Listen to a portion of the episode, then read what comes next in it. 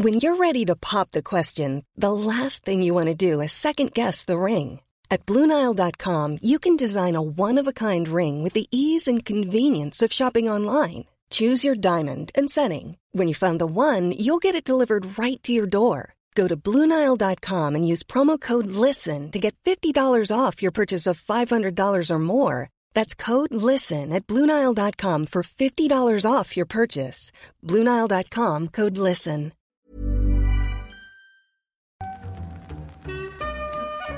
In the supermarket, you have eggs class 1, class 2, class 3. And some are more expensive than others, and some give you better omelets. That's the wrong information. Wrong, wrong, wrong information. I didn't say that. That's the wrong information. Do you think I'm an idiot? Wrong, wrong, wrong information. Now look at me when I talk to you. Your job is to tell the truth. Sillypodden här, det är tisdag eh, i talande stund. Makoto Asara heter jag och med mig i studion Linus Bengtsson och Sean O'Brien. Eh, ja, vi, vi börjar bli ganska samkörda den här trion känns det som. Det tycker jag, det tycker jag. Ja, Vi har suttit här några gånger just vi tre också. Trevligt! vi närmar oss. Spenderat en stor del av sommaren tillsammans. Eh, så är det och eh, ja, jag tycker vi hoppar rakt på sak här egentligen. Eh, och vi hoppar rakt in i Manchester United och det är ett Manchester United som vi kommer få anledning att prata om under de här avslutande dryga två veckorna av transferfönstret sommaren 2022 för att det händer mycket i United. Eller rättare sagt anledningen till att det händer mycket är att det hänt så lite innan. Och dessutom resultaten de gör. Eh, ni som undrar vad, man, eh, ans- vad vi anser om eh, 4-0 förlusten mot Brentford, in och lyssna på Sportbladets Premier League-podd finns ute, kommer här ut under måndagen när vi dissekerar den och vi även dissekerar allting som hände i London-derbyt där mellan Chelsea och Tottenham. Och där får ni även svaret på, vem skulle egentligen vinna en fight mellan Thomas Tuchel och Antonio Conte? Eh, men med det sagt, till United och jag tycker vi börjar med det som de redan har på plats men kanske inte vill ha på plats så länge till om, eh, om de får bestämma Cristiano Ronaldo. Tidigare i sommar har det pratats mycket om att han, ja att de inte vill göra sig av med honom, han ingår i projektet. Nu verkar det ha vänt i och med att, eh, ja Erik den här ska ju till och med ha ändrat sig med tanke på den negativa attityd som Cristiano Ronaldo uppges sprida i omklädningsrummet och på träningsanläggningen. Eh, uppgifterna kommer från bland annat The Athletic, även Talksport och The Times rapporterat liknande saker. Era tankar om Ronaldos status i United, håller ni med? Är det läget bara att försöka bli av med honom så fort som möjligt? Ja, Ja, det är bara att skicka. Men det ser man, alltså som du ser rapporterna från träningsplaner och omklädningsrummet Tycker även att det framgår på planen att han känns inte nöjd med att vara där helt enkelt Han vill någon annanstans, Han- huvudet är någon annanstans Även om han naturligtvis försöker göra sitt bästa för klubben så man ser ändå Det slås ut med armar och det kastas blickar som inte bör vara i ett, där i ett läge där United har varit de här två första matcherna men det känns som att det här är någonting som ändå Ten Hag borde ha blivit informerad om innan eh, man påbörjade säsongen kan man ju ändå tycka. Man borde ju i alla fall, nu har jag aldrig tränat en, en, en fotbollsklubb i Premier League, men jag tänker väl att man i alla fall får någon form av informationsmöte och går igenom med personalen på plats lite vad statusen är bland alla spelare och, och lite vad, ja, vilken attityd de har och, och lite hur, hur det ser ut inför den kommande säsongen. Och det här var ju ändå någonting som man kunde se eh, nu ser inte vi hur det ser ut på träningsanläggningen men som man ändå kunde se på planen förra säsongen som påverkade United väldigt mycket. Och att man nu två matcher in eh, sist i tabellen väljer att ta det här beslutet när man kanske borde ha gjort det tidigare som, i, i somras vilket hade kunnat öppna upp för andra förstärkningar redan då och man kunde komma in liksom bättre förberedda mer som en, som en enhet som lag tillsammans är, är helt absurt. Är det, är det en konsekvens av Ronaldos långa semester kanske? Att Ten Hag inte fick se honom på plats förrän ganska sent? Alltså sen, det var väl, det var väl på grund av eh, familjeproblem och personliga bekymmer som han inte anslöt till klubben tidigare, i alla fall Mm. var det den officiella anledningen. Eh, sen tror jag att mycket att den här ser en, alltså ett superproffs, en vinnare Cristiano Ronaldo som också sett till vad de har för material Absolut, han kommer att göra skillnad för det här laget. Det är bara att titta på statsen. Han gjorde flest mål förra säsongen, han var den viktigaste spelaren förra säsongen. Sen Anledningen till att han var den, det är en annan sak, men den är svårare att se på ett statistikpapper. nu när han har fått uppleva hur hur mycket Cristiano Ronaldo verkligen vill lämna klubben, hur mycket han verkar vantrivas sett i situationen som är just nu, så har det blivit en annan situation. Det är ju uppenbart så. Eh, och om man går omkring och sprider negativ energi så är det ju bara att försöka bli av med honom. Problemet är ju vilken klubb ska plocka upp honom. Nu är det väl till och med uppgifter om att de kan fundera på att faktiskt riva hans kontrakt bara för att flytta den lönen, bli av med honom och sen bara acceptera att det blev ett, en misslyckad återkomst totalt sett sett till hur det då slutar. Eh, jag tycker nästan att det borde vara ett alternativ i dagsläget för jag tror Absolut. ingen klubb kommer köpa loss honom och den enda klubb som på något sätt är tänkbar är Atletico Madrid. Sett till att Cholo Simeone verkar vilja ha honom trots då supporterprotesterna och så vidare. Det är det enda logiska alternativ jag ser. Från Uniteds sida ja, inte från Atletico Madrids sida men eh, Ja alltså, ja, från Uniteds sida är väl alla olika destinationer en, en logisk Ja, de- jag tror att de bara tar- också. de tar nog bara vad som helst. Men det, ja, det, här är en sån extremt komplicerad situation. Jag, man vill ju inte lägga för mycket på Ten Hag. Jag menar hur länge har han varit där totalt? Lite två månader kanske? Ja, under sommaren. Mm. Ehm, och United, eller eh, Ronaldo och om det var personligt, det, det, det, vi vet ju inte. Det är ju den officiella anledningen, vi får gå på den officiella anledningen, vi kan inte sitta här och hitta på saker utan eh, är det familjeorsaker så är det så, eh, helt enkelt. Och det får man bara acceptera. Ehm, men som sagt, jag tyckte ändå att det här är ju en, man har ju haft möten med hans agent och man har haft möten där Sir Alex Ferguson har varit inblandad, vilket jag kan tänka mig måste vara en ganska jobbig situation för Ten Hag. Ganska stora moln som hänger över honom när Mm. man ska sitta där och försöka en lösa en situation med en av de bästa fotbollsspelarna genom alla tider och så sen så kommer den bästa tränaren genom alla tider och så ska försöka liksom kanske medla och Det pusha är och därför de hålla ska på. porta Sir Alex Ja. från träningsanläggningen, men nu Jag får han det. rådgivarroll istället. Det blir någon sorts Ja. Problemet för United ligger ju i den här Alltså totala mentala spärren som ligger för dem och att det, det Man är så icke-konsekvent.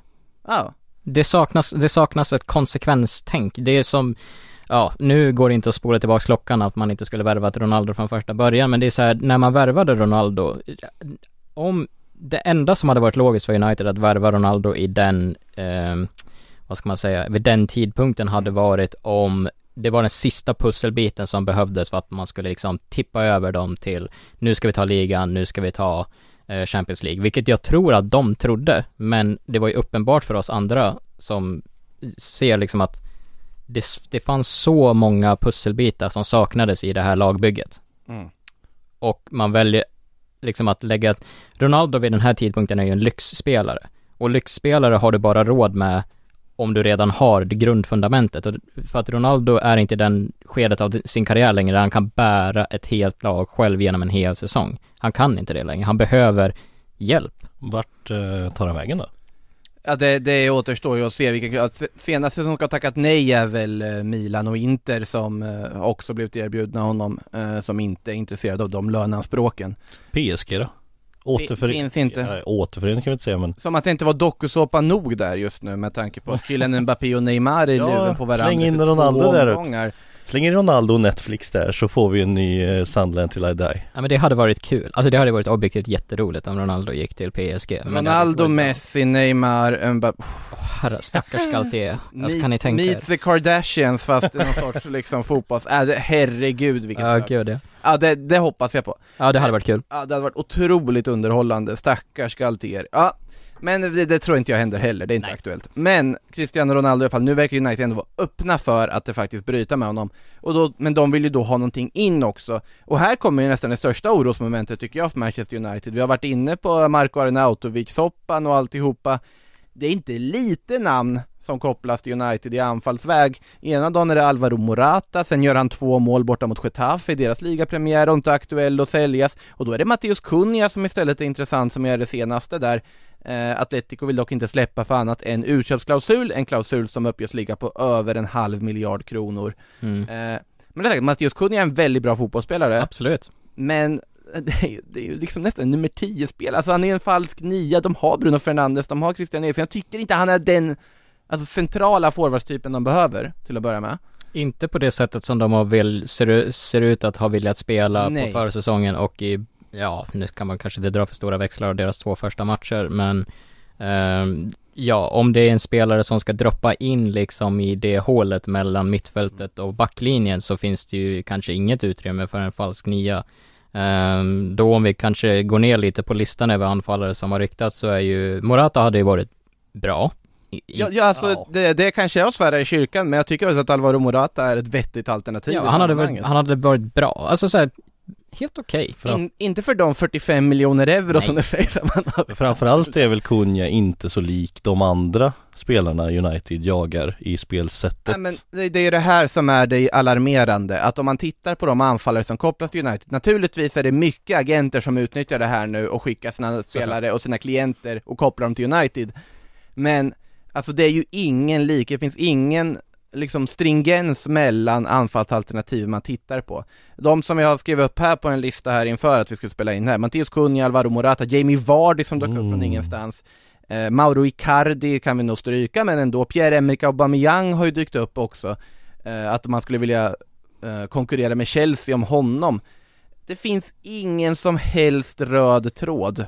Av alla på den här listan, jag vet inte om det här är någonting som ni inte alls kommer hålla med mig om nu, men av alla på den här listan som du precis räknade upp, så den som jag tycker hade varit den bästa liksom, eh, det som hade passat bäst i det sättet som United vill spela är Icardi.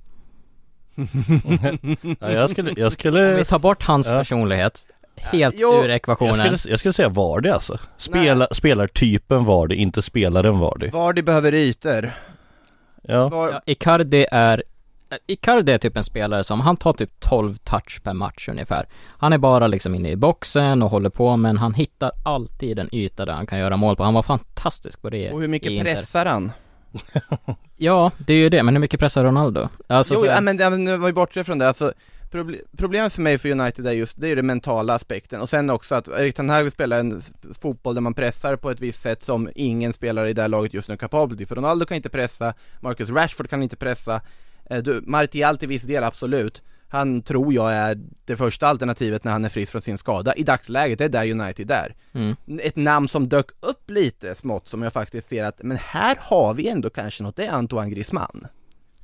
Ja, men Men du, du får ju jobbet, du får någon som faktiskt jobbar stenhårt i liksom defensiven fast som anfallare. mm. Eh, Det tycker jag är Griezmanns nästan största styrka i dagsläget. jag försöker tänka, vem hade, var det Tadic som var i Ajax för Ten Hag? Visst var det som anfallare? ja Ja, Ja, ja Sebastian Allaire också. ja Sebastian Haller också. Men det är ju en är helt annan spår- forwardstyp. Ja, det är det jag menar. Alltså så här att jag tror att den här kan få det och, och nu tycker inte jag att man ska ta Icardi, det inte- absolut inte det jag Nej, menade, nej, men jag förstår menar jag. bara så Ja. att det, han, av dem på listan, sett till vilka andra spelare de har, så om man vill ha en riktig spetsforward så är ju det Icardi är. Ehm, sen så tycker inte jag att man ska Bortsett röra från honom med, allt, nej, nej eh, det man ska inte röra honom med tång såklart. nej. Ehm, men eh, Kanske Aubameyang, men det priset är lite för högt för vad du kan få tillbaks men jag- Priset är väl inte så högt? 30 Ja, miljoner för en 33-34-åring Kan- Så 25 vill ju ja. minst Barcelona ha, det är ganska, och Aubameyang verkar vara ganska nöjd ändå med sin tillvaro just Det nu tror jag i, eh, absolut att han är i Barcelona, även om han inte kommer vara startelva alternativ för Bara- det mesta. Och där får han väl komma sent också säkert Nej, det ska jag bara Nej, Xavi har, eh, Xavi har stenhårda regler vet du. nu är det Mm. ordning och reda och Är de lika hårda som Steven Gerrards? Steven Gerrards budord, de som visade sig vara Dean Smiths budord när Det man, var det? Ja det var det tyvärr. Eh, Jaha, vilken besvikelse Besvikelse det var otrolig besvikelse. De där jag, som hade dök kunnat, upp jag hade kunnat leva i den lögnen i några veckor till innan jag fick reda på det, men jag ja, fick bara leva i en timme efter jag tweetade, men det är en annan sak.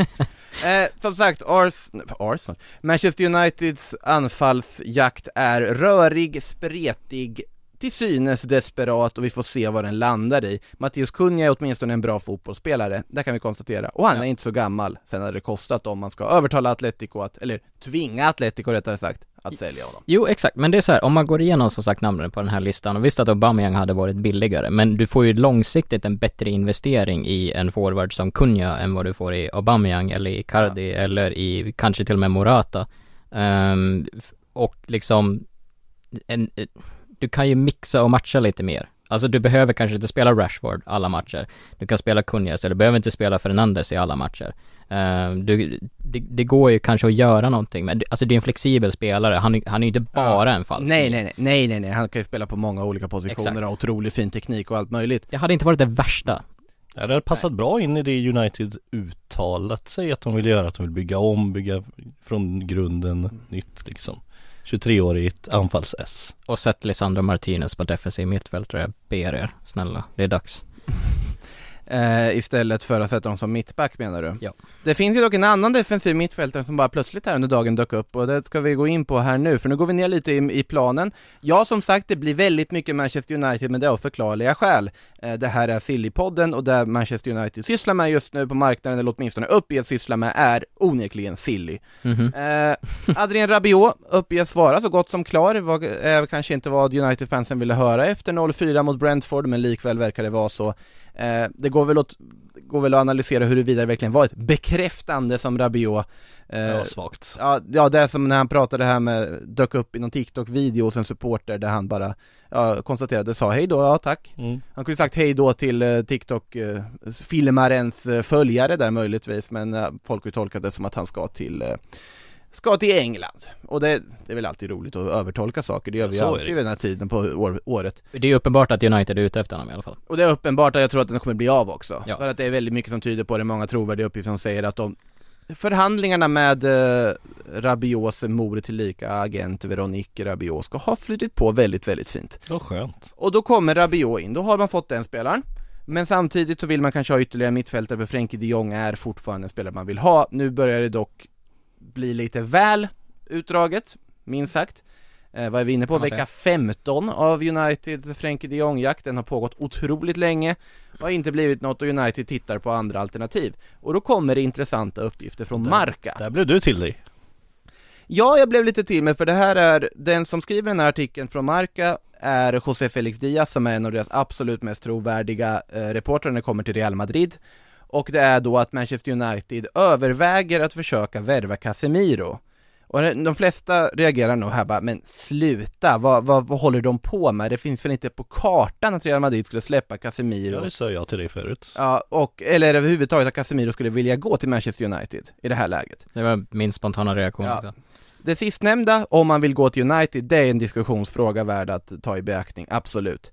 Men om United är desperata och skulle lägga upp ett hutlöst överpris, vilket inte är otänkbart, jag skulle inte vara förvånad om Real Madrid cashar in. Nej, Vad är det ett, tror inte jag heller. vad är ett hutlöst överbud på Casemiro då? 60-70 kanske, någonstans där. Någonstans där så tror jag att de cashar in.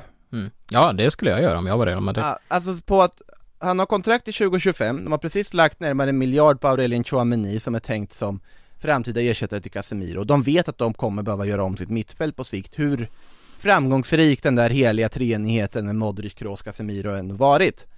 Om Casemiro då övertalas av Rafael Varan på något vänster att ja men kom hit, här, blir, här har vi roligt. Eh, ungefär så. Så är det ju inte helt otänkbart. En riktig rejäl löneökning, en miljöombyte, Real Madrid får pengarna och då kan jag se det som att konstigare saker har hänt. Ja, verkligen. Känns som att Casemiro behöver ett miljöombyte från att bo i Madrid och vinna Champions League och La Liga. Nej nej, Så alltså det jag, jag, jag skulle absolut, jag har väldigt svårt att se det hända Ja. fortfarande. jag, jag skojar bara. Men eh, alltså, så här.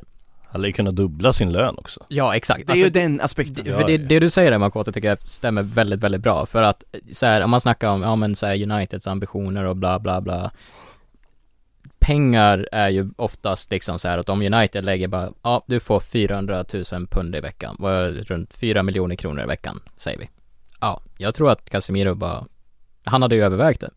Vi kommer hjälpa dig med din e-sportsatsning du sysslar med på sidan av också. Ja, men Jag ja, exakt. Ja men exakt, ja men då, jag tror att United bara säger, du kan få jag, jag, vet, jag vet inte vad United har för märkliga sponsorer nu för tiden men ja, du kan få en egen traktor eller någonting sånt. De har ju haft sådana sponsorer genom åren. Ehm, och, och, och sånt där. Man, man vet aldrig. Alltså de kan ju, de, kan- de kan ju liksom göra, göra vad som helst känns det som. För att, och så här.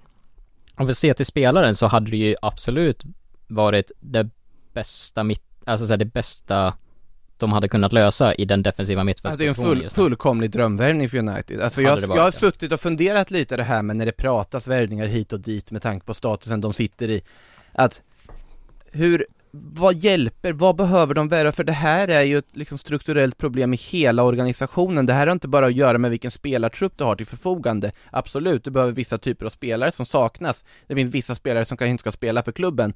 Men det är ett, alltså det är ett mentalt problem, det är ett problem som sträcker sig över alla delar av Old Trafford och omnejd. Men Casemiro, där har du ju en värvning som skulle gå in och bara göra det här laget bättre. Så han skulle ställa krav, han skulle ligga, han skulle ha precis den speltypen som de har saknat under alla de här åren. Eh, om de betalar ett hutlöst överpris för honom, då är det alltså väl investerat överpris, skulle jag säga. För tre säsonger, minst. Ja, för bara på där det skulle kunna väcka och den framtidstro det skulle kunna få in och få in honom på det här mittfältet. Det är min övertygelse, sen kan man mycket väl ha fel, visa sig att det går helt katastrofalt ändå. Alltså, jag, för Jag håller Casemiro väldigt högt. Jag håller också Casemiro, jag tycker, Ja. jag tycker Casemiro är en fantastisk spelare, jag, jag gillar honom jättemycket. Det är inte, jag, det är inte, det är inte liksom spelaren i sig som jag har eh, frågetecken om i den här affären för att då får man ju se det så här, alltså jag tror att man kan se det från två sätt. Eh, ska United, är det här deras satsning för att ta sig till Champions League?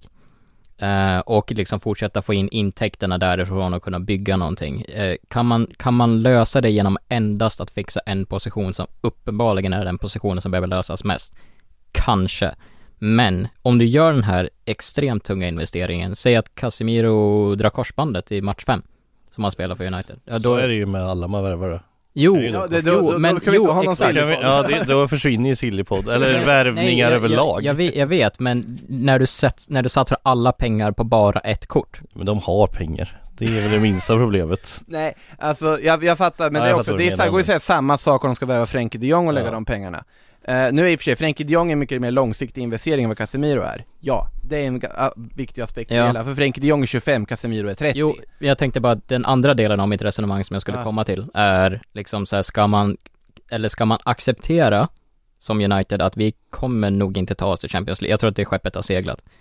Eh, så bra som Tottenham och Chelsea. Du kan inte Eh, göra det efter två matcher. Du kan inte acceptera något sånt över två matcher under Manchester United, då åker de nästan ur om de, om de lägger den ribban. Nej, men okej, ja men vad va, vad är alternativet då? Ska man, eh, okej, vi, vi Nej, satsar allt på ett kort. Ja men det är ju det här, alltså du måste ju satsa på flera kort såklart, men jag tror att om du ska värva Casemiro kommer det bara ett överpris, men jag tror att det är ett överpris värt att betala.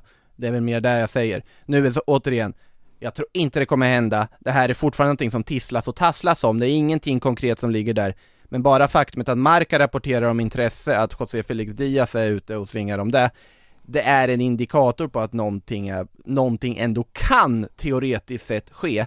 Återigen, det är i och för sig också Marca som rapporterar om Real Madrid eh, Jag vet inte om det finns något värde för Real Madrid att försöka trissa upp intresset för Casemiro eh, Vad vet jag? Kanske det det Och, ja, jag tänker om man ska försöka sälja någon i den där heliga treenigheten så är det ju den enda som man kan få en hutlös summa för, det är ju Casemiro och Real Madrid har- Kroos får de inte de pengarna för idag tror jag Nej, men Kroos och Modric är för gamla för att få in de summorna för, det går inte längre. Eh, men Casemiro kan du få det för och Real Madrid är, smart, det är en klubb som är smart driven och de gjorde det med Ronaldo.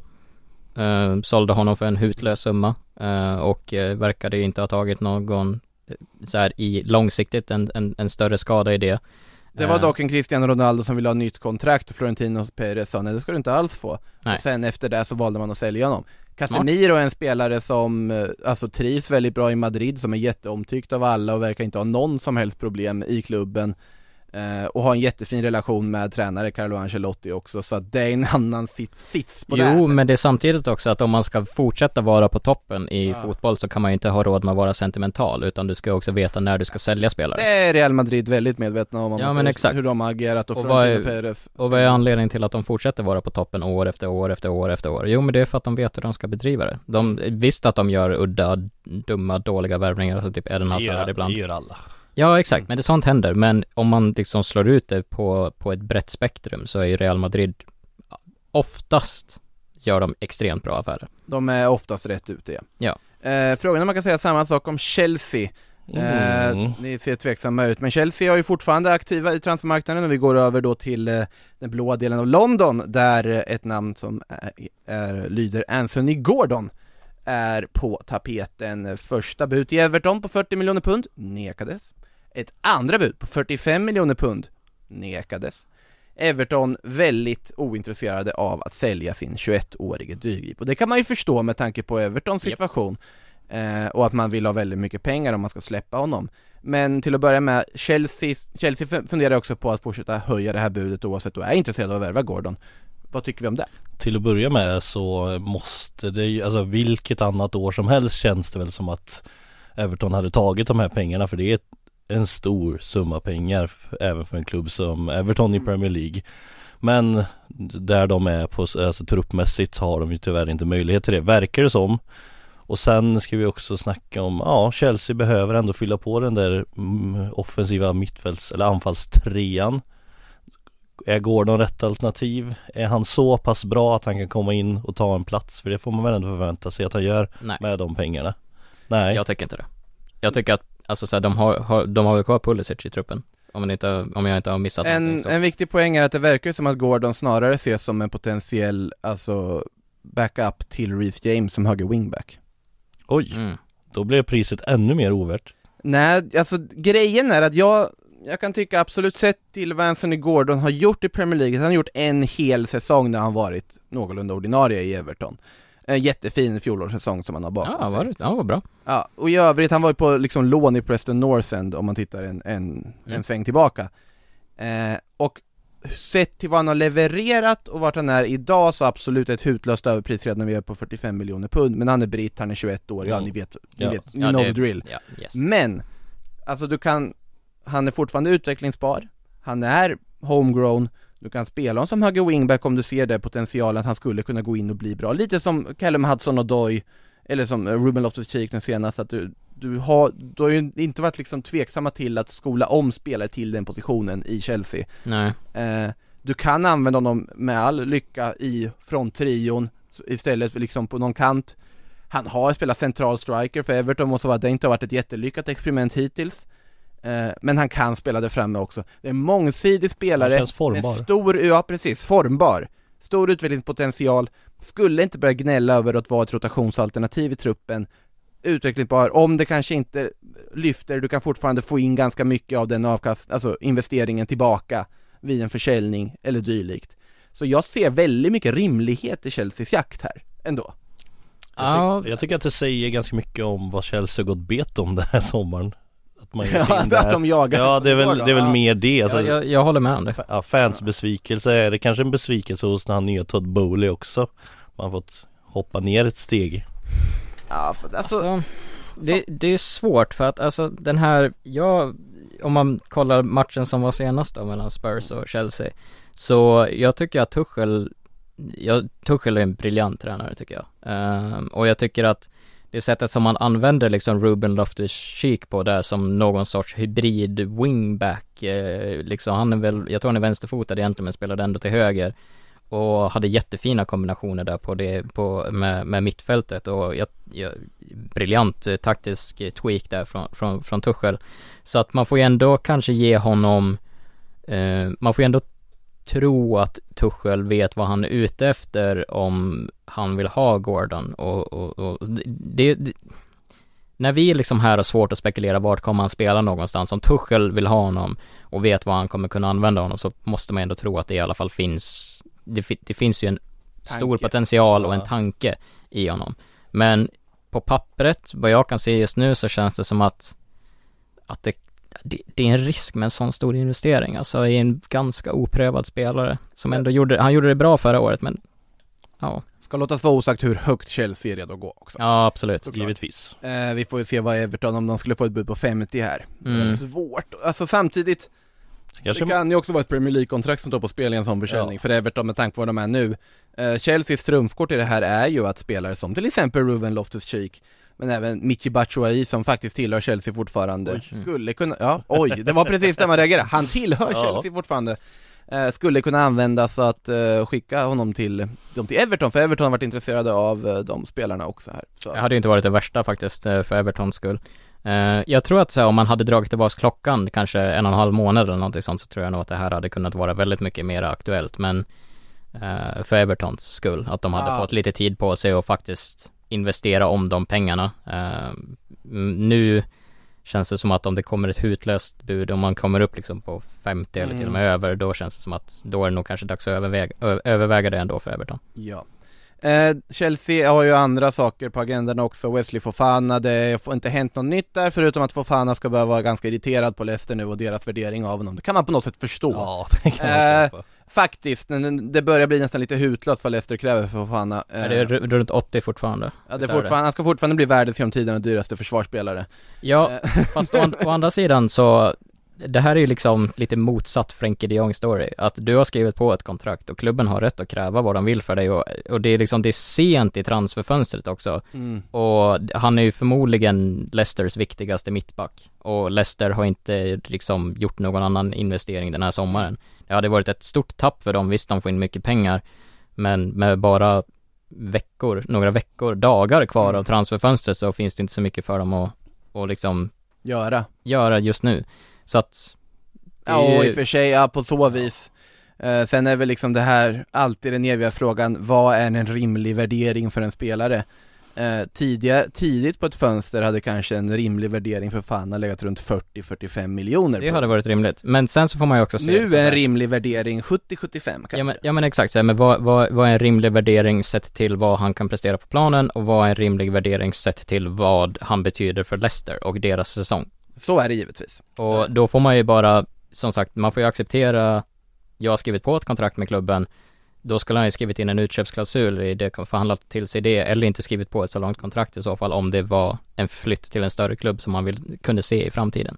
Det var nog få som kunde se den här jakten. Ja men det här kunde, här kunde vi inte se i våra vildaste fantasier men i alla fall, jag tycker att, jag, jag tycker att Visst det är en hutlös summa, jag tycker inte att han är värd att bli dyraste mittbacken genom alla tider Men jag kan ändå förstå varför Leicester väljer att stå på sig Ja och det finns ju mer, alltså så här, försäljningspotential i Fofana än i Harry Maguire, som är Ja. den dyraste Ja, genom alla tider eh, så, så kan det gå. Eh, vidare, ja sen har ju Chelsea Aubameyang jakten på gång också, vi får se vad det blir av den. Nu verkar det väl vara så att han känns ganska nöjd i Barcelona och det kanske inte blir något av det där. Vi får Ja. se eh, vad som händer där. priset var ju lite dyrare än vad vi spekulerade i för någon vecka sedan också Vi sa ju att så här att det hade varit runt 15 kanske, då hade det varit rätt rimligt att göra Men om det kommer upp mot 30 Det var ju runt 15 som de skulle erbjudit dessutom Exakt. också, men Barca vill ju ha runt 25-30. Om det är runt 30 så nej Nej nej nej. Eh, sen måste de ändå ha in någon form av forward, tycker jag i alla fall. Det var Chelsea? Chelsea ja. Ja, ja. Ja, Barcelona behöver ingen mer forward. Nej, bara... Det- Det de däremot behöver i Barcelona det är en högerback. ja, Eh, de har ett gäng som eh, sägs vara på en önskelista enligt eh, den frispråkige Twitch-journalisten Gerard eh, Romero, Barcelona-journalisten. Han, han må vara väldigt excentrisk och pajig av sig, men han har ju faktiskt ingångar i Barcelona och har ju, är ju faktiskt rätt på saken ganska ofta när det kommer till just Barcelona, i övrigt inte så ofta. Men enligt honom så finns det ett gäng namn som finns på listan då, och det är bland annat då två United högerbackar, såväl Diogo Dalot som Aron Wan-Bissaka. Det är Juan Foyt, vars agent ska ha lämnat Alemanis kontor idag också enligt Romero. Eh, så de verkar ha pratat på ett eller annat sätt. Eh, vi har dessutom Thomas Monier som har kopplats till Barcelona tidigare också, ett billigt alternativ från Dortmund, en mångsidig spelare, en duktig spelare som jag alltid hållit högt i alla fall. samma här. Och eh, dessutom Jeremy Frimpong från Bayer Leverkusen. Alla de här namnen ska ju då vara kopplade till att de ska ingå i en, alltså funka enligt budgeten, inte kosta för mycket, alternativ till att man inte fick Cesar Aspilicueta. Vem hade ni valt av de här fem? Ja, får jag börja? Ja det får du. Till att börja med tror jag att United hade tackat och tagit emot med öppna armar om de hade fått ett okej bud på vare sig Wan-Bissaka eller eh, Dalot där, de, de hade jag inte valt. Jag personligen hade ju velat se ett år till på Serginho Dest som jag tjatar om Jag då håller med då. dig, jag håller Ja. helt med dig. Men vi, uppenbarligen så tycker ju inte Barca att han duger Ja. Så, men med Barcas, eh, det de har värvat och bla bla bla hittills, ja vi har avhandlat det Thomas Monier kommer in, billig, rutinerad Kan släcka bränder, han kan hoppa in på mittbacken, han kan spela mittfältare Mittbacken?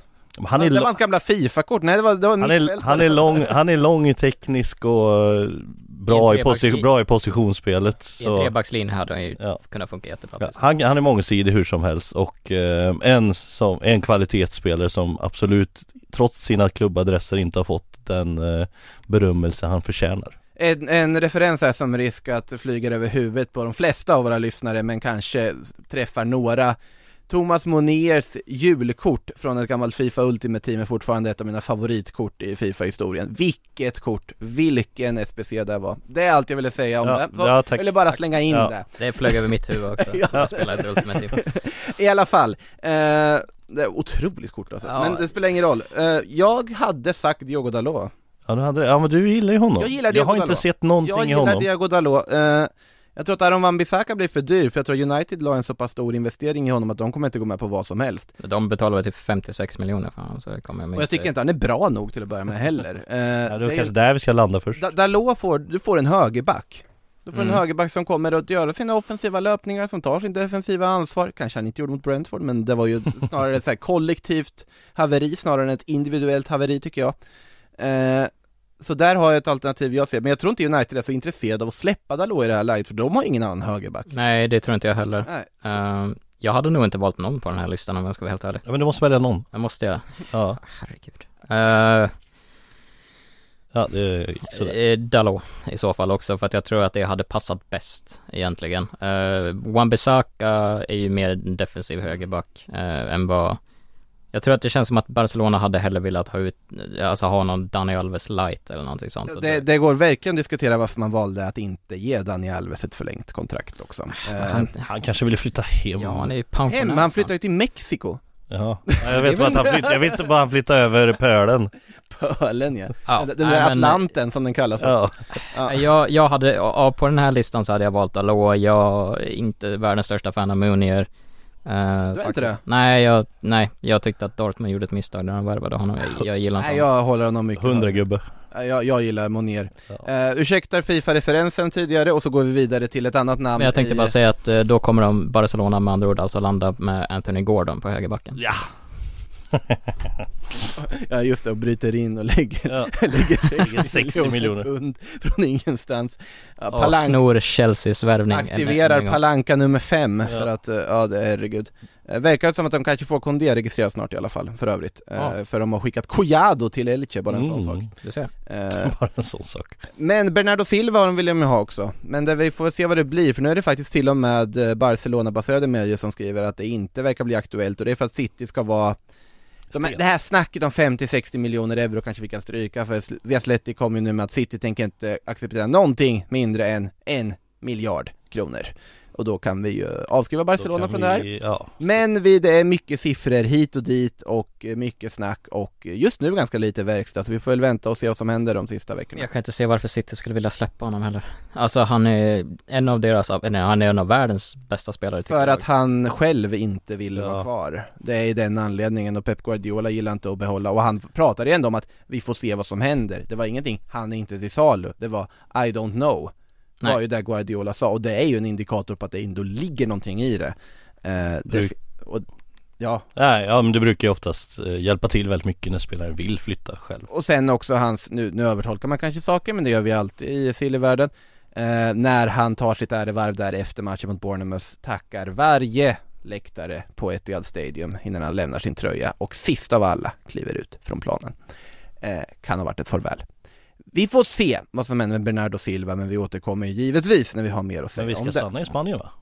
Eh, det kan vi väl göra om du vill. Eh, Ja. För Giolo Celso stannar i Spanien. Ja, och han såg så glad ut på sin prestationsbild, han såg så himla lycklig ut. Det var ett fint citat han sa också. Ja vad var det? Det skrattade vi åt förut. Eh, Det var, det var ju det här med att eh, ett ställe där man har känt glädje, ett ställe man alltid återvänder till. Ja just det ja. Sägs Mm, det. Ja, Sa han, och då återvänder han ju En såklart, liten peak kanske ja en liten pik mot eh, på, vad som pågår i Tottenham, kanske är så. Mm. Eh, men han trivdes oerhört bra i alla fall i Villarreal och hos den gula ubåten och de lånar honom ännu en gång och ingen köpoption den här gången heller faktiskt. Eh, så det här det kan ju vara så att han återvänder till Spurs ännu ett varv. hur Men- långt kontrakt sitter han på? Eh, det har inte 2025 skulle Ja. jag tippa på Ett, något år. Eh, sen är jag i och för sig, han kom ju 2020 ja, eller hur? Ja, Ja, och då borde han ju ha femårskontrakt. 2025 eh, Grejen där är också att det ska ju dock finnas någon form av klausul som gör att om Tottenham får ett, alltså bra bud på honom Så ska man kunna utan reprimander bryta låneavtalet med Villarreal för att sälja. Ja men det Inte låter inte helt orimligt. Nej alltså vi- för, för Tottenhams del så är det ju en ganska vettig Ja men då är väl också där att då ska ju faktiskt Gio Lo Celso vilja dra till den nya klubben istället. Ja så är det ju, Ja. så är det ju. Och vi kan med tanke på hur de spanska klubbarna mår rent ekonomiskt kan vi räkna med att eh, han har faktiskt kontrakt 2023 Mm. Jaha. Så Oj, att det, ja, det förklarar varför inte vinner en köpoption Ja. Nej du, jag skojar bara, det var jag som blev lurad av transfermarktformatering 2025 som du sa Okej. eh, Så glömde jag så eh, Som sagt, Lo- Los Elso i Villarreal, jätteskön förstärkning för dem såklart inför den kommande La Liga-säsongen, den som har påbörjats också under helgen Bra värvning, Och kul. sen en snabb då. Mm. Dagens Betis. Mark Bartra lämnar klubben, klar för Trabzonspor. Ja, han har gått i Trabzonspor Mm. Eh, Och det har ju lite att göra med att Real Betis sitter i samma ekonomiska bekymmer som eh, Barcelona gör till viss Samma är väl Nej, samma är verkligen att ta i, men de behöver, de funderar på att aktivera ekonomiska hävstänger Är det sant? Ska de Ja. sälja 25% av Betty Studios eller? det- Betty Studios, för deras här, digitala produktion är något av det bästa som finns Deras ja, jag hade hellre kollat på det än Barcelona. Deras presentationsvideos är helt fantastiska eh, Och de lägger mycket kraft på dem och det är väldigt underhållande, det är mycket humor och så vidare. Men Betis är bara en klubb man mår bra av alltså. Betis är en klubb man mår bra av, fantastisk eh, premiär här mot Elche också, stabil Ja, shit. seger. Just det, det fick mig också att tänka på ehm, Jag slog faktiskt på matchen igår istället för Liverpool av någon anledning, fråga mig inte varför. Det, Men- det finns väl inget att för- förklara där väl Nej, du missar- du- du missade värdering av Men eh, William Carvalho Han är där och han gör det bra Ja fast han har ryktats bort har han ju Ja men det har han väl gjort alla år Nej men han har ryktats bort, alltså han har varit jättebra där i den rollen men han har ju ryktats Ja. bort ganska mycket och sen är det ju det Vilken- helt sanslösa med tanke på Bettys ekonomiska situation att ingen har lagt pengarna som krävs för Guido Rodriguez. Jag tycker det är helt sanslöst, jag förstår det inte.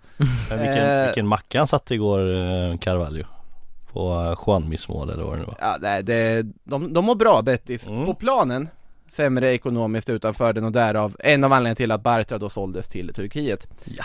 Eh, så är det med det, eh, dagens Bettis. Ja, åh, det, man, nu mår jag lite bättre bara helt plötsligt när vi snackar lite bättre så här. You're welcome Ja, tack. Och det var inte jag som öppnade för den för en gångs skull.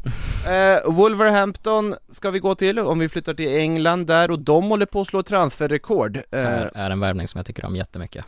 Tycker du om den även om de betalar 50 miljoner euro inräknat bonusar för Matteus Nunez från eh, Sporting Club? Det gör jag. Förklara. Eh, för att jag, jättebra spelare för det första. Mm. Ehm, och portugiser i Wolves har ju uppenbarligen funkat innan. Nu är han i och Eh, för sig brasse. Ja, men, Ja han står listad som portugis också på Ja, transfermarknaden Ja, Ja. ja, men han har väl ett pass där någonstans Ja. va? ah, okej, ja men det, ja. och... Ja, hur, hur, hur som helst. Eh, jag tror att eh, potentialen med ett eh, defensivt eh, mittfält med Ruben Neves och eh, Mateus Nunez tror jag kommer verkligen passa som handen i handsken. Eh, jag tycker att de två spelarna kompletterar varandra jättefint. Du har eh, i Ruben Neves en spelare som är jättebra, eh, volympassningsspelare, fin fot, eh, tillsammans med då en annan mittfältare som eh, kan flytta bollen framåt, som är bra i dueller. Eh, jag tycker att det är en fantastisk värvning för Wolves och ja, jag, gillar den jättemycket.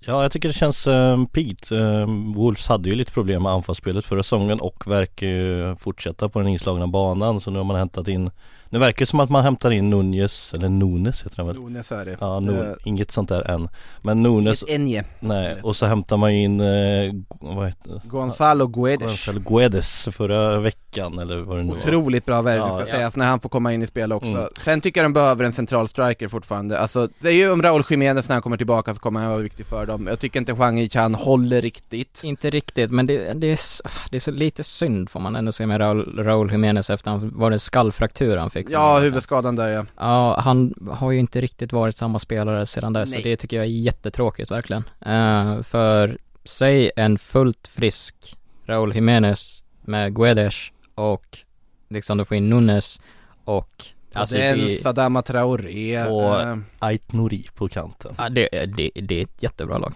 Morgan Gibbs White är vi kvar också, de verkar Mm. inte ha blivit någon försäljning än Nej, av så får vi honom inte- även om det är mycket intresse. Får vi inte glömma José Sa i mål som hade en fantastisk säsong förra året också.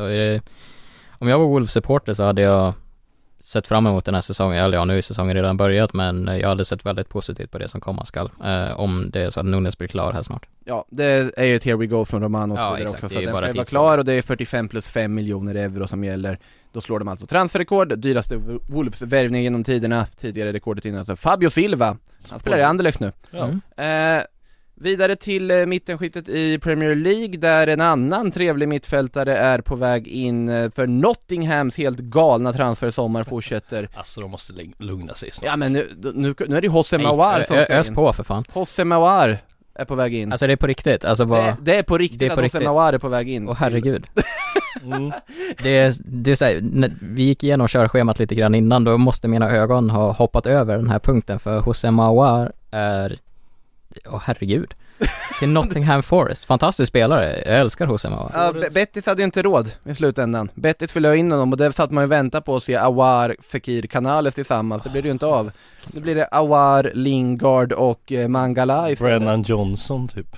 Ja, han lär nog inte få mycket speltid Nej, när, när de har värvat Alltså med Awar så är de nog uppe i 17 värvningar Om Sen, vi också räknar in att Neil Mopay blir klar för 15 miljoner och pund sen bekräftar de väl Emanuel Dennis. Emanuel Dennis är bekräftad, Ja. eh, Remo Freuler är bekräftad eh, Så ska vi se, Kouyaté är bekräftad, de ska också in där ja. Det känns De, som det känns som, de, det, det, det här är ju en football manager Ja, sommar när man precis har tagit över en, en Ja en men det här, det här har gått förbi det som Fulham höll på med inför deras uppflyttning, det här börjar bli överdrivet. Alltså det är alltså s- 17 värvningar. De fallhöjd, värvar en helt ny trupp fallhöjden, den är hög.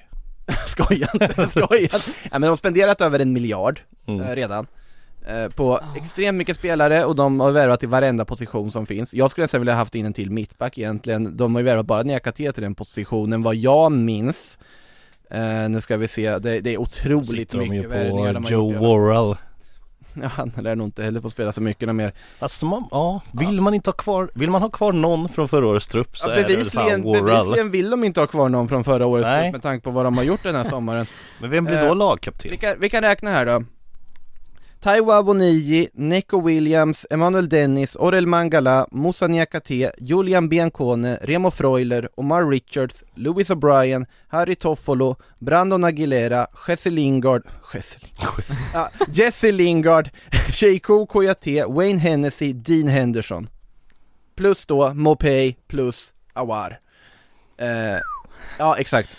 Eh, Ja, Ja. om de inte klarar kontraktet här så får vi se vad, vad som Ja det, det blir ju den spännande följden här men alltså om vi bara, om vi ignorerar de tidigare 15 värvningarna eller 16 värvningarna och så tar vi bara José Mawar så tror jag, alltså det är ju en jättebra spelare Ja. uppenbarligen. Han är ju, det är ju en Champions League kaliber, alltså mittfältare är det ju. Ja, alltså det, det är som sagt, sen har han ju gått ner sig lite liksom och det, det gäller väl lite med, det är väldigt ofta så här på vissa spelare, Matteus Nunes till exempel vi pratade om förut, pratade om Liverpool, United, City och så vidare och så slutar det med Wolves. Awar för ett år sedan var Arsenal hit och Arsenal dit, det Liverpool har har, väl flera varit där och nafsat. Liverpool har varit där, Real Madrid har kopplats till José Mawar Mm. eh, och så nu har det varit liksom Betis och sen Nottingham. Så att ibland så får man ju ta det med en nypa salt och konstatera att vissa av de här spelarna som ryktas i toppklubbar hela tiden, det inte blir någonting, nej, de kommer nog hamna i en mittenklubb Ja. förr eller senare. Det är bra agentarbete helt enkelt.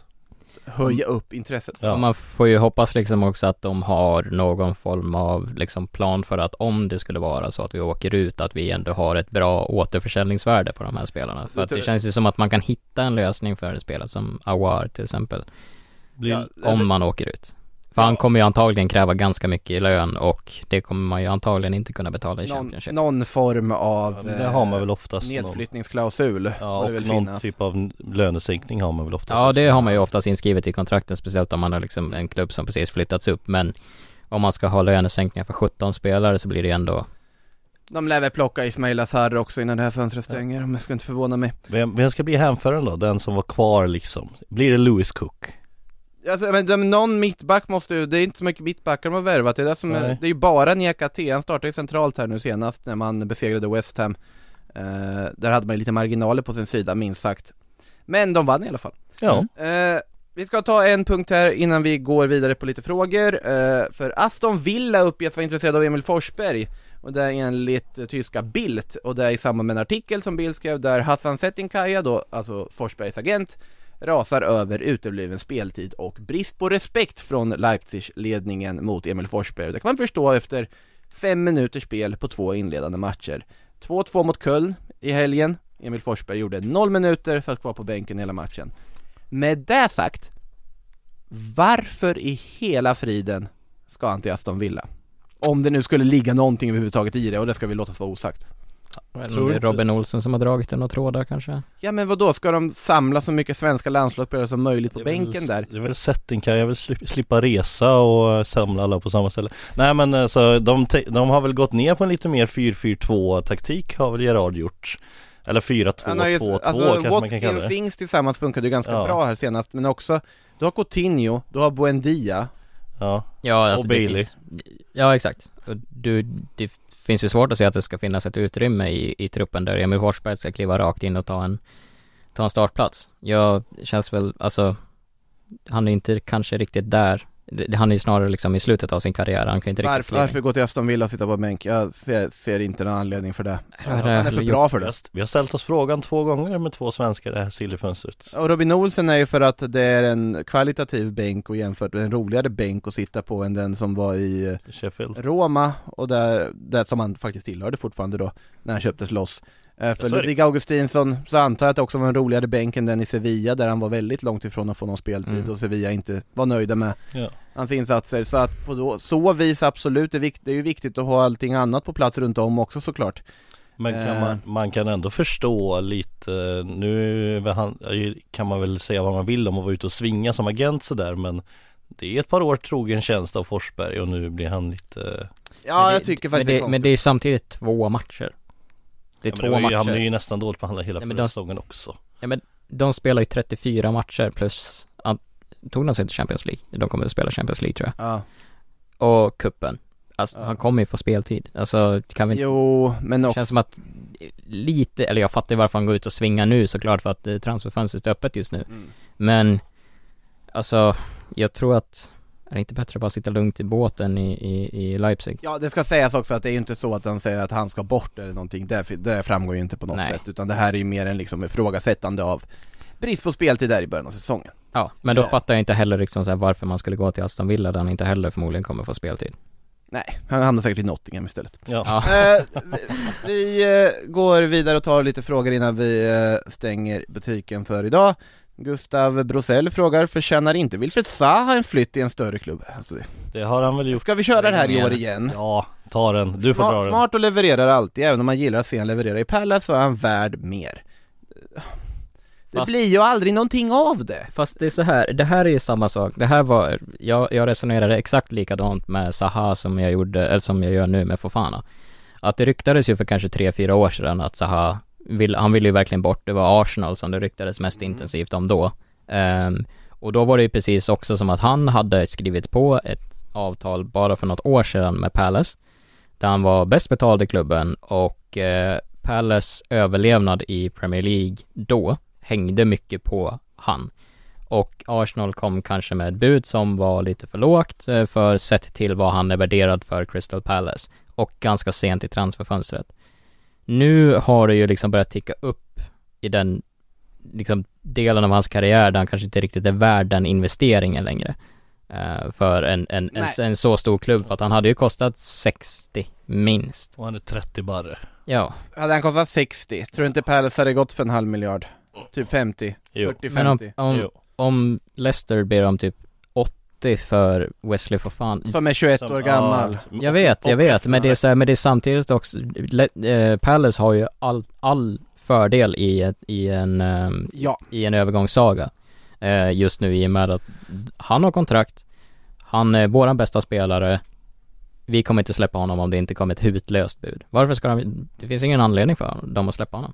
Nej och sen också säga, jag tror faktiskt att Palace är en ganska trevlig miljö att vara i just nu De, de spelar, de spelar bra fotboll, Ja. det finns en framtidstro eh, Patrice Vera och så vidare Men äh, samtidigt så har Wilfred Zaha ett kontrakt som går ut 2023 mm. Jo, men då kommer, ja, varför inte, jag tror att Palace bara är rätt nöjda med att låta, låta det kontraktet löpa. Ja, möjligtvis då För Äh. alltså om jag såg, alltså som, han var ju en av de bästa spelarna på planen eh, mot Liverpool igår till exempel. Eh, Det gjorde blir ett väldigt fantastiskt mål. spännande att se vad han hamnar i för Ja, klubb, det, väl ifall han nu skulle bli kontraktslös sen till sommaren det skulle Jag hoppas, jag hoppas att han bara skriver på ett nytt kontrakt och stannar i Palace. För att jag, jag, alltid, när, alltid när man liksom så här, om man ska kolla på liksom en mittenmatch i Premier League så vet jag i alla fall att om Palace är på TV, ja, men då får jag se Wilfried Zaha där och då kommer den här matchen bli ganska underhållande åtminstone. Eh, håller med. Vi går vidare till en fråga om Liverpool. Jens Sköld frågar, kan en storklubb som Liverpool sitta på ett plus minus noll netto i köp och sälja spelare när truppen haltar betänkligt av att Thiago och Matip är skadade mest hela tiden? Johan Lindström adderar till frågan med att lägga till Ox som tävlar i mest sjukdagar per år med Keita Gomez. Skadehistorik gör sig påminn titt som tätt. Ändå äldre småskadorna kommer oftare, Firmino lika så. Eh, man är lite oroliga här i Liverpool i alla fall om, eh, om truppen. Jag Ja. vet inte riktigt. Nat Phillips dök ju upp här i, här under Ja, måndagen. Vad sa du? Vem? Matt Phillips? Nat Nat Phillips. Phillips. Jaha, jag tänkte du menade den gamla Det, det måste jag känna också, det, det förvånade mig när Nat Phillips dök upp i startelvan. Absolut, han är en- alltså all respekt till hans eh, roll i Liverpool och det han har kämpat och gjort för klubben på så vis. Men vad tänker Joe Gomez när han sitter på bänken? Ja. Joe Gomez hade fått en liten smäll eh, i dagarna som ledde upp till Okej, den matchen. ja, det, det för, det han förklarar saken, Ja, för det var annars, annars, inte- annars hade jag ju lämnat in min transferbegäran dagen efter. Ja men det, alltså hade, ja men hade inte, hade inte Gomez fått liksom, jag för mig att jag läste att han fick en smäll på träningen eller någonting sånt så han var inte fullt redo för 90 minuter Okej, därför ja, det, det, det förklarar Men för saken. att, för att återkomma till frågan då Ja, så, så tänker jag att ehm, jag förstår Liverpool-supportrarnas oro Det har varit tyst på transferfronten länge och det är som de säger, det finns luckor att fylla framförallt på mittfältet men vi har varit inne på det här, man, man har ju, alltså, att- man gör sig redo för Bellingham. Men för att, för att besvara frågan, ja det kan man, uppenbarligen Alltså, I alltså tonen! ja men det är så här, det- om man kan, ja, upp, de senaste åren så verkar ju det ha gått alldeles utmärkt, Mm. eller hur? Ja. Och nu har Liverpool 10 skador Och det är så här, visst man, men vad, vad ska man göra? Alltså 10 skador är ju sanslöst och det är ju också, jag, jag tror att det kan ju ha mycket att göra med eh, Alltså den mängden matcher som Liverpool-spelare har spelat. Det ser ni, inte bara förra säsongen när man spelar maximalt antal matcher Det är också det kortaste uppehållet någonsin i Premier League. Det är många spelare som har varit iväg och spelat i diverse turneringar som hålls, eh, till exempel Salah. Nu är inte Salah skadad just nu, men till exempel Afrikanska mästerskapen, Keita har spelat Afrikanska mästerskapen. Jag håller med om att det, det man ska börja se liksom eh, att man ska börja vända lite på det där mittfältet. Man behöver ha in en mittfältare. Men samtidigt också så Klopp tar inte någon och Klopp och Liverpool går inte för någon om det inte finns eh, om, det, om det inte är den som de absolut vill ha. Mm. Så, så funkar det och jag, jag håller ju på Liverpool men Liverpool-fansens reaktion på det här är sanslös. Eh, jag, Vadå? kan, ja men jag tycker, alltså Du, lugn, är det Ja, det du kan, känner kan vi bara sitta, lugn. Jaha. Det har gått, det har gått två matcher och Ja. de skadade, det kommer komma tillbaka skadade spelare. Keita var tillbaka på bänken nu här senast till exempel. Ehm, vad heter? Diogo Jota kommer komma tillbaka i slutet av augusti. Eh, Simikas var tillbaka nu senast också. Um, Matip, och vi får se hur länge Matip är skadad. Jag vet att det finns liksom en oro där, men samtidigt också, det måste ju finnas Anledningen till att Liverpool har kunnat vara så bra de senaste åren är för att man har ju bedrivit det här på ett smart och effektivt sätt, att man, man, man har en eh, jag vet inte, jag kommer inte på vad det svenska uttrycket är, men sustainable business model. Man, Exakt, Ja, exakt. man säljer spelare och så köper man spelare för det man säljer och så gör man liksom kloka investeringar som liksom får det att ticka vidare. Det här, det här har Patrik Syk sagt många gånger Ja, men det är så, jag, men jag blir, alltså så här, det, jag, jag blir så ofantligt trött på dem som liksom bara eh, två matchdagar in liksom bara kastar, eh, så här, kastar all skit liksom de kan hitta överallt bara för att det liksom har sett, ja nu var det ett rött kort igår. Är det classic exakt. Liverpool? Ja, det är ju det och det, det gör mig så ofantligt. Kan man inte bara ta det lugnt, ha tålamod? Uppenbarligen så har ju liksom tålamodet belönat sig tidigare år när man väntade på Van Dijk till exempel. Ja. Alltså bara ta det lugnt, det, andas. det är bara att lugna sig och dessutom ska ju sägas också att Liverpool är ju faktiskt obesegrade den här säsongen hittills Ja. Eh, men, men skämt åsido, eh, det var ingen skämt, de är obesegrade. Men likväl ska vi börja avrunda, vi tar dock en sista Ja, fråga här. en sista fråga. Ja, eh, för regular Johan frågar Lecce tack, den nya skandinaviska kolonin. Och då tycker jag vi ska gå igenom vad Lecce har sysslat med under den här sommaren inför sin återkomst i Serie A. För att det faktiskt börjat byggas en skandinavisk koloni. Ja, Joel Wörkling Persson har ju kommit in, bara en sån sak. Eh, men även då förutom på sven- har, har vi Etumum, eh, finländsk vänsterytter. Eh, vi har dessutom Kristoffer Askilsen, norrmannen. Vi har precis nu nyligen också Mattias Norrman, norrmannen. Ja, jag såg det. Han var... Eh, lagkapten, Mårten Hjulman, Danmark. Ja, onekligen en skandinavisk koloni som håller Får på att inte glömma byggas. John Björkengren som gick från Falkenberg Jan. Björkengren är kanske viktigaste namnet av dem alla Ja. i det här. Och även Torir Johan Helgason, islänningen. Jag vet inte om Island tillhör Skandinavien. Nej. Det där, nej Jag tack. tillhör väl Danmark, Norden Norge och Sverige är Ja Skandinavien. precis, så finländaren skulle inte heller varit med i den här skandinaviska Nordisk sam- koloni kan man Nordiska kolonin.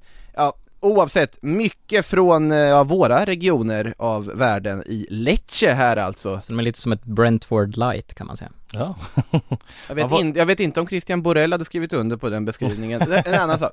Oavsett, eh, det var det vi hade från Sillypodden efter att ha listat eh, skandinaver och eh, Norden, eh, nordmän, Spelare. Nordenspelare vi minns höll jag på att säga, från Lecce. Eh, hur, man kunde ju inte avsluta en podd på ett bättre sätt än så. Tack Linus Bengtsson, tack Sean O'Brien, Tack, alla Makoto. lyssnare. Tack så mycket. Vi hörs snart igen på torsdag! Då är vi tillbaka på Youtube och TikTok om allt vill sig väl, bara en sån sak. Häng med då. Vi hörs allihop. Hej då. Som är queer. No eggs, no honey. Som är queer. That's the wrong information. Wrong, wrong, wrong information. I didn't say that. That's the wrong information. Do you think I'm an idiot? Wrong, information. Look at me.